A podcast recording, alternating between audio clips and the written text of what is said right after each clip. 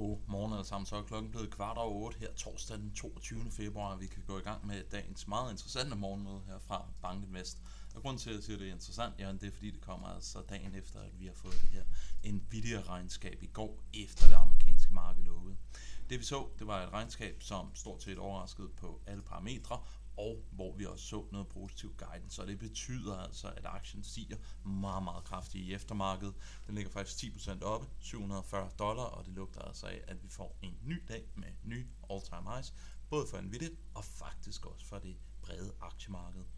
Det betyder altså også, at det her kunstig intelligens, eller AI-temaet, det får altså som minimum tre måneder ekstra at køre på, for det er jo ligesom øh, regnskaberne, eller det er det gået hen og blevet, det er regnskaberne for Nvidia, som ligesom bestemmer om den kunstige intelligensbølge har fart på, eller om den begynder at æbe ud.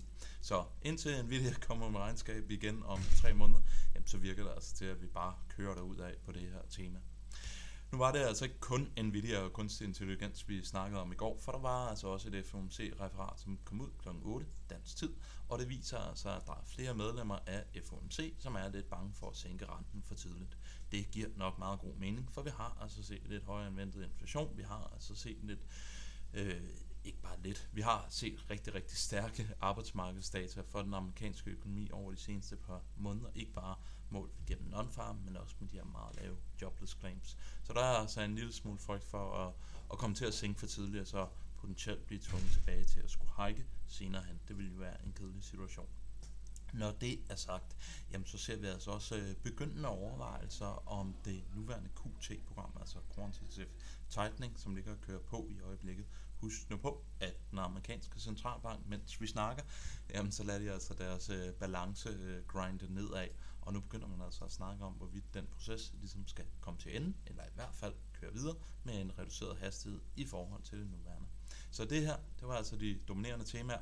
Det er naturligvis Nvidia, der ligesom er, er det helt store headline, og det er altså også det, vi kommer til at fokusere på øh, i dag. Hopper vi til slide nummer 3, bare for at tage sådan en øh, indeksstatus. Jamen S&P 500 det endte svagt i plus i går, og som jeg også sagde indledningsvis, så lugter der altså af, at vi kommer til at brage op igennem øh, indeksniveau 5000 og kommer til at sætte nye rekorder. Det er i hvert fald øh, meget, meget tæt på, at futterne indikerer det her fra morgenstunden. Så indtil videre, jamen, så kan vi altså godt lægge øh, den frygt, som jeg stod og snakkede om den anden dag, øh, omkring de tekniske niveauer og systematiske strategier, den tror jeg altså godt, vi kan lægge øh, lidt bag os, i hvert fald her øh, over de kommende par dage. Så det er jo isoleret set positivt. Det betyder altså også øh, med de afkast, som vi fik i går, hvor at aktier faktisk endte øh, i plus, i hvert fald målt i danske kroner, jamen så betyder det altså, at vi for året stadigvæk har et rigtig, rigtig pænt aktieår mod i danske kroner, MSCI All Country. Det ligger altså op 5,3, og vi er altså ikke langt fra, hvor det peakede her, bare for et par dage siden. Så indtil videre, rigtig, rigtig stærkt aktieår vi igennem. Ser man på de lange amerikanske renter, for lige at færdiggøre den historie, inden vi kommer til at snakke lidt Nvidia, jamen så kan vi konstatere, at de fortsatte med at stige i går. Det kom jo som sagt efter, vi så det her lidt mere hawkish øh, FOMC-referat kommer ud øh, kl. 8, som sagt, dansk tid. 4.32 på den amerikanske 10-årige. Vi skal hele vejen tilbage til november måned for at finde noget tilsvarende, og vi er altså gået igennem den lokale peak, som vi så den 13. februar. Så det er altså et opadgående rentepres, vi ser i øjeblikket, og grunden til, at vi gør det, jamen det ligger altså på slide nummer 6, hvor vi ser prisningen af Fed, og som jeg har vist det et par gange før, jamen så er vi altså gået fra at prise en Fed Fund Trade ultimo 2024 på 3,64, da det var allermest dovish der medio januar, til nu at forvente, at den bare hedder 4,44.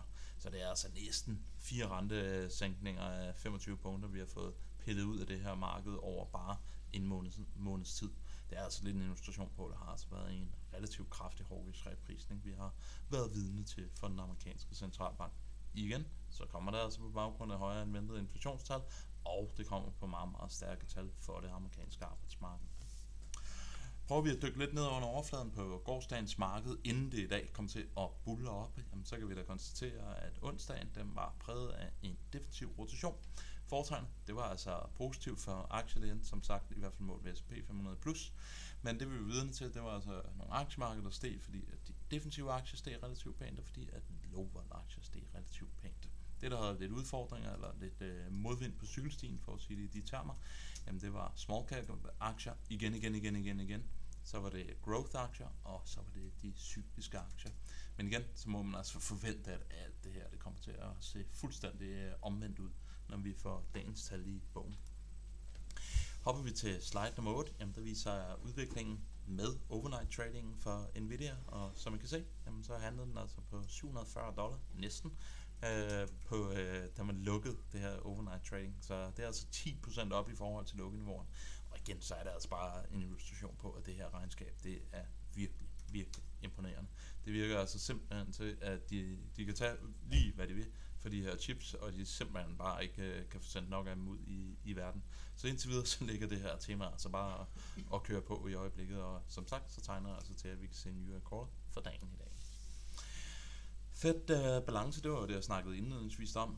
FOMC-referatet, flere, der begynder at snakke lidt om, hvorvidt man skal holde op med at reducere med balancen i samme grad, som vi har set tidligere. Det vi kan konstatere, det er, at vi er faktisk kommet relativt pænt ned. Jeg tror, den peakede et eller andet sted lidt nord for 9 trillioner dollars, og nu er vi altså på 7,63. Så der er altså relativt fart på i øjeblikket.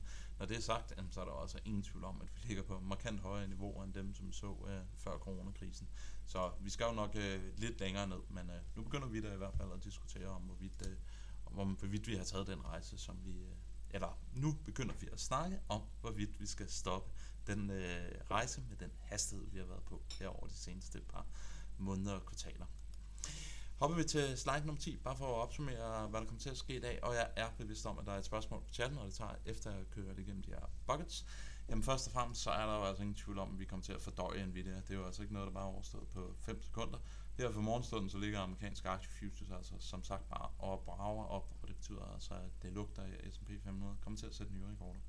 Men det er altså ikke bare Nvidia, vi skal snakke om i dag, for der kommer altså også PMI's, og det gør der altså både for Europa og for USA, og det bliver altså som sagt rigtig, rigtig interessant at se, om der kommer noget momentum ind i fremstillingssektoren. Jeg synes, vi har set sådan lidt flere og flere indikationer på, at fremstillingssektoren både i USA, men også i Europa, faktisk begynder at have, have det lidt bedre i forhold til, hvordan det gik op igennem 2023. Så det bliver rigtig interessant at følge.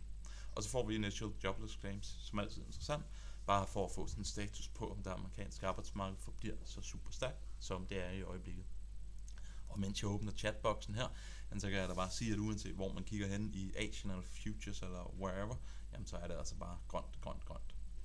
I har meget fokus på øh, M7, men har I tanker om Granolas, en samling af Europas største virksomheder. De er både billigere og mindre risikofyldte og holder trit med M7.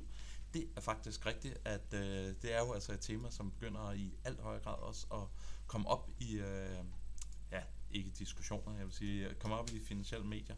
Vi har altså også øh, fokus på granola, men i øjeblikket, så mener vi altså, det er den her kunstige intelligens, som er sådan det helt store snakkeemne ude i markedet, og det er derfor, vi i så høj grad fokuserer på det. Og det er Magnificent 7 jo naturligvis mere eksponeret til end, øh, end granolas. Men vi kan i hvert fald godt øh, tage en graf med på det i morgen, og det skal vi nok gøre. Med disse ord, jamen, så ønsker jeg alle sammen en rigtig, rigtig god dag på de finansielle markeder, og vi høres ved i morgen. Hej!